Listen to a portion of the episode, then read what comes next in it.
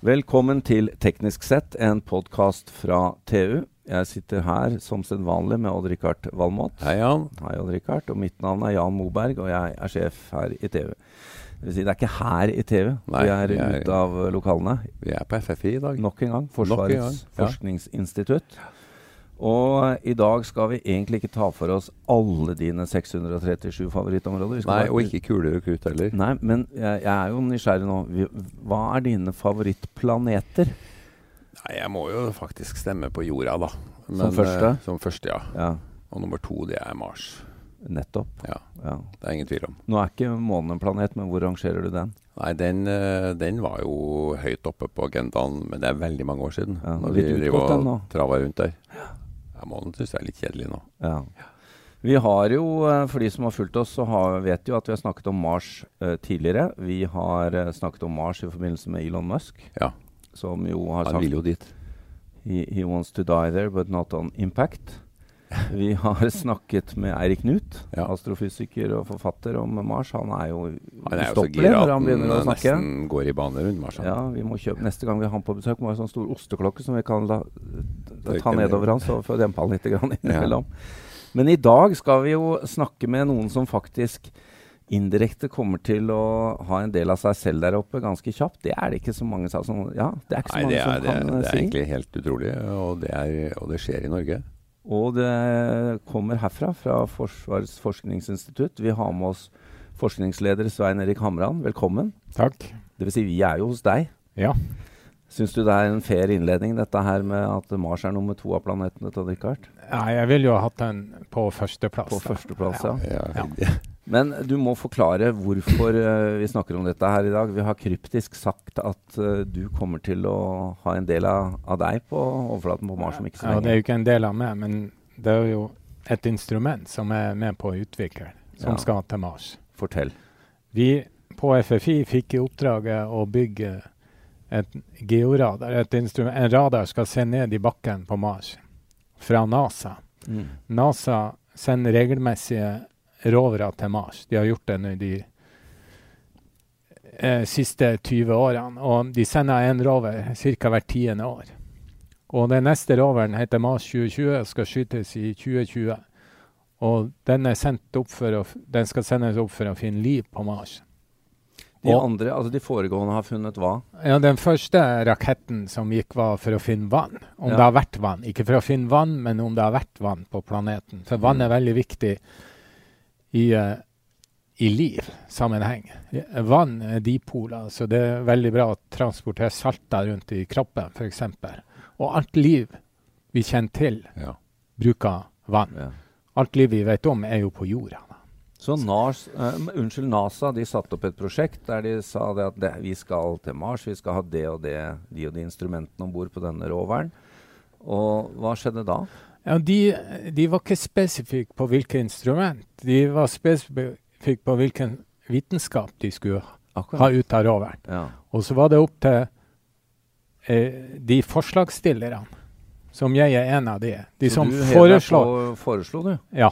Da foreslår vi et uh, instrument for å se ned i bakken på Mars. For det er veldig viktig å vite hvilken type geologi Ja. som Mars 2020-roveren skal eh, kjøre rundt i. Og vite nøyaktig hvor du skal ta de her eh, prøvene for å, å lete etter liv. Og de fikk da et veldig stort antall uh, svar. Ja, de fikk uh, 58 søknader. Om forskjellige typer instrumentering? Ja, ulike typer instrumentering. En del av de gikk, var konkurrenter til vårt instrument. Radarbaserte. Ja, jeg vet eh, om to andre radarbaserte, men det kunne også være andre typer instrument, bare for å se ned i bakken. Mm. Elektromagnetiske, akustiske instrument. Mm. Men uh, jeg må jo da spørre hvorfor uh, eh, FFI og spesifikt radar? Hvorfor vi driver med radar på FFI? Ja, eller, eller hvor, altså, hvorfor ble det forslaget? Da, ja. Oh, ja, sånn, ja. ja. Det var jo Jeg må jo ta min Mars-historie. Jeg hadde såkalt postdoc. Altså. Jeg tok doktorgrad, så dro jeg til Paris, jeg var et år. Og da jobba jeg på en Mars 96, som var et fransk-russisk samarbeidsprosjekt. Så du er en erfaren Mars? Og da jobba jeg med en, en radar som skulle til Mars. Nå ble den aldri med, for de skulle ha en ballong som skulle fly på Mars. Ballongen ble aldri med, og Mars 96 styrta i Atlanterhavet. Det Det var en russisk Ja. satellitt. Så neste gang jeg var med, det var på noe som heter Mars Polar Pathfinder. da leverte jeg et proposal til en professor på UCLA som skulle foreslå den neste satellitten etter Pathfinder. Da Ja. drev JPL og bygde Pathfinder, som okay. landa i 97. Og dette var en, en ny lander skulle lande på Nordpolen på Mars. Og da skrev jeg et proposal som ble antatt der for å lage en radar skulle lande på Nordpolen Ja. på Mars. Den tok aldri av. Neste forsøk var i eh, 2003. var jeg med på et forslag til en radar skulle være om bord på den europeiske roveren ExoMars. Ja. Der fikk vi tilslaget.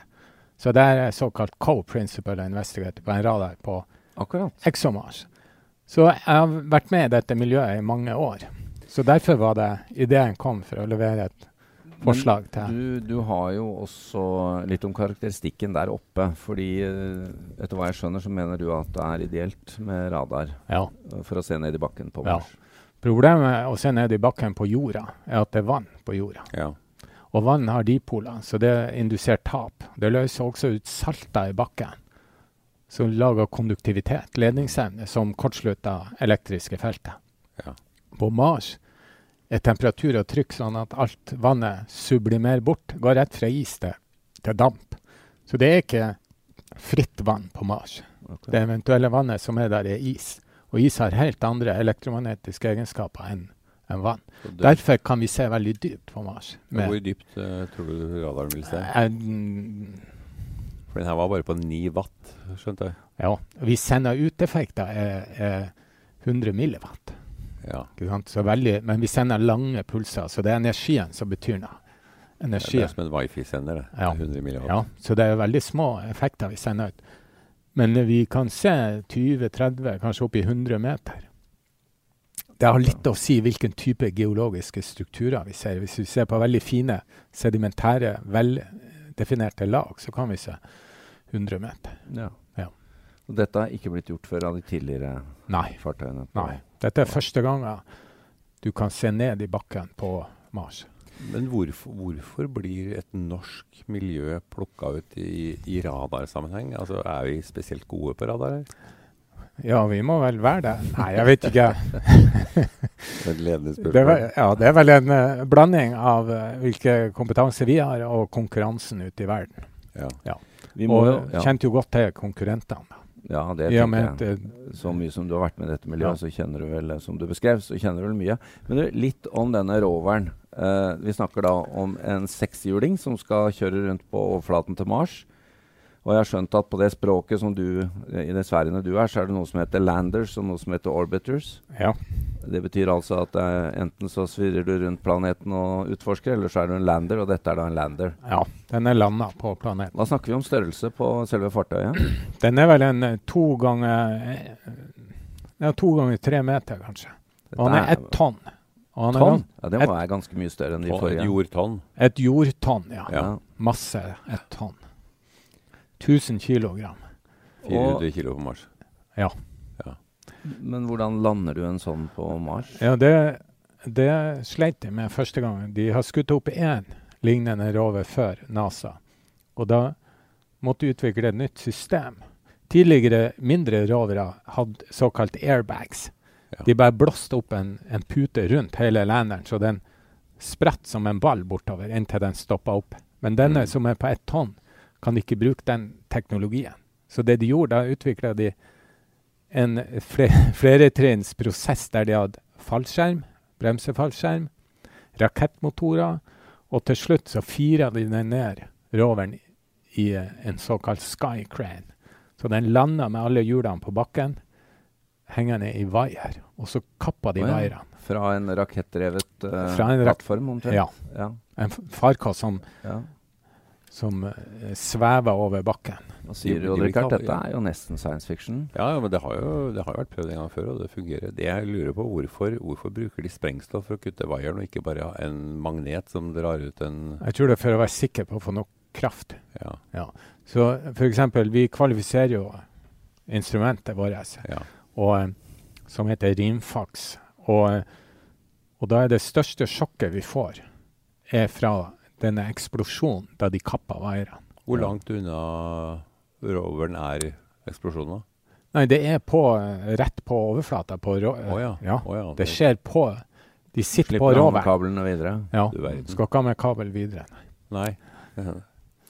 Men uh, vi, før vi går videre Dette er jo utrolig fascinerende og spennende. Men du var inne på det, Odd Rikard, at denne radaren drar 9 watt. er Såpass. Og så Ja. skal den jo kjøre litt og sånn.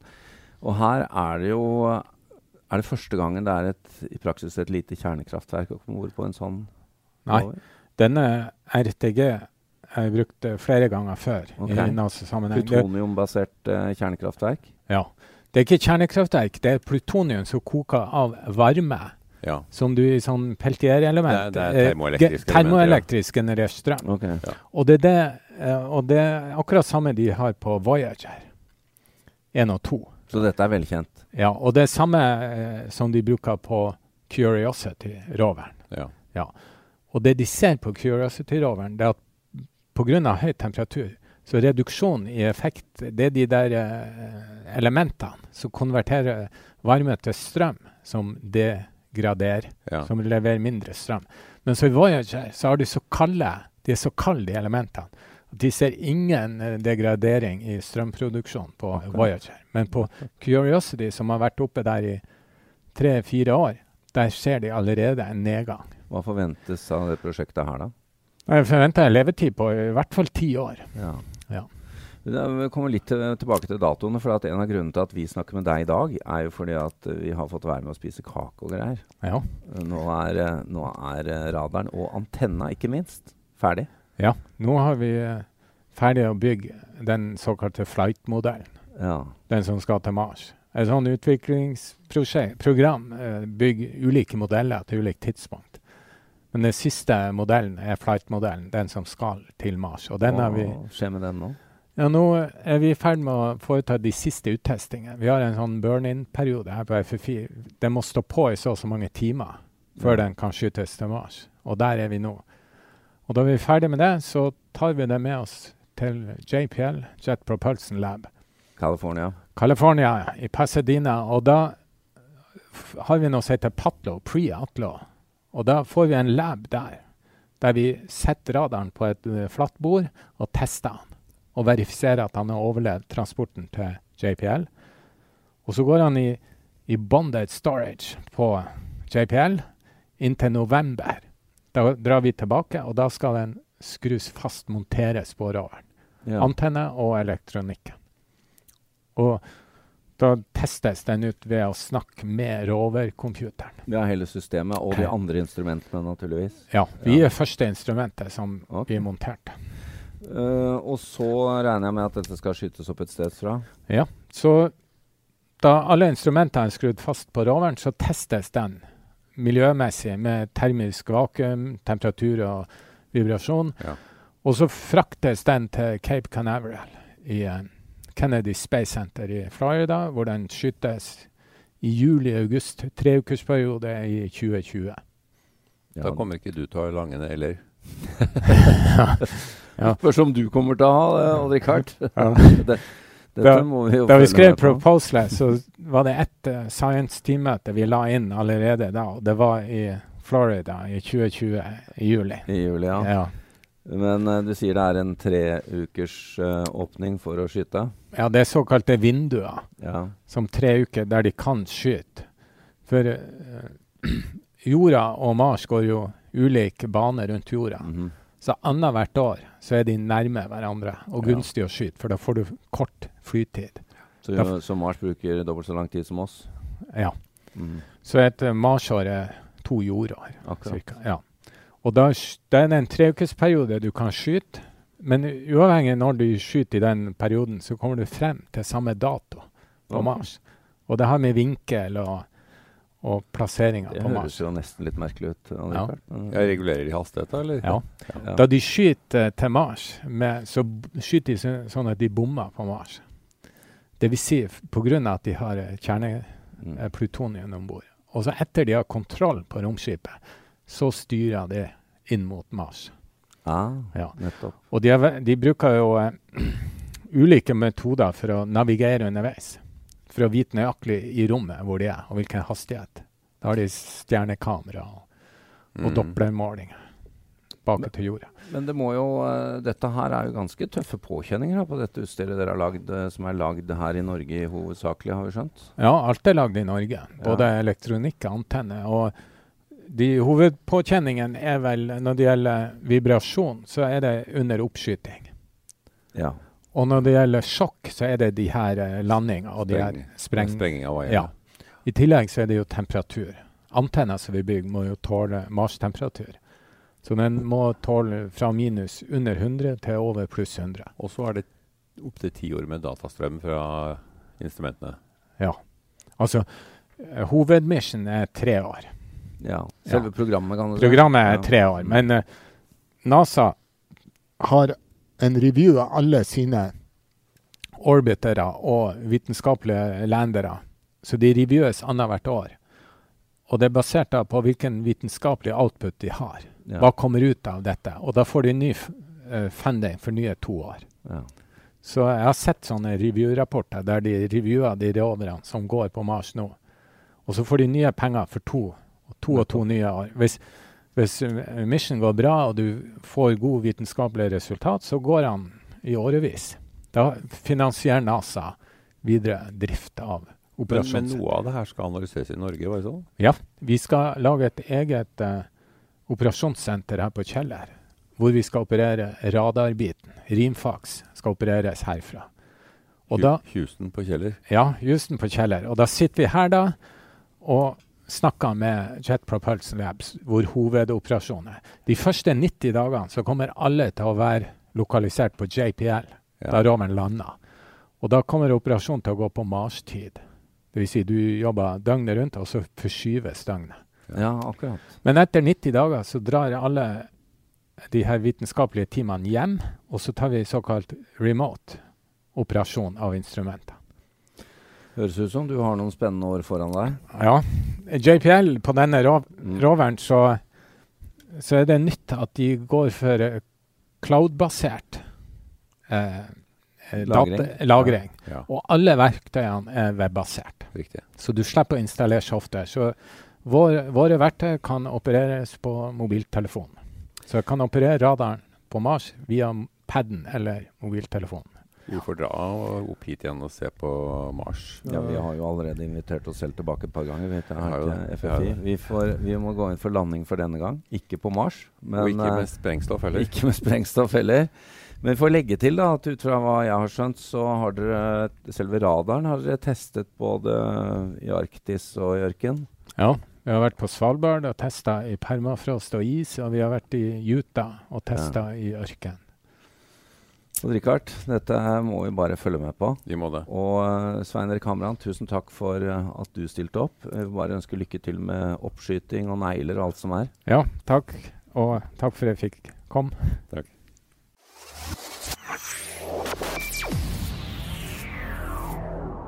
you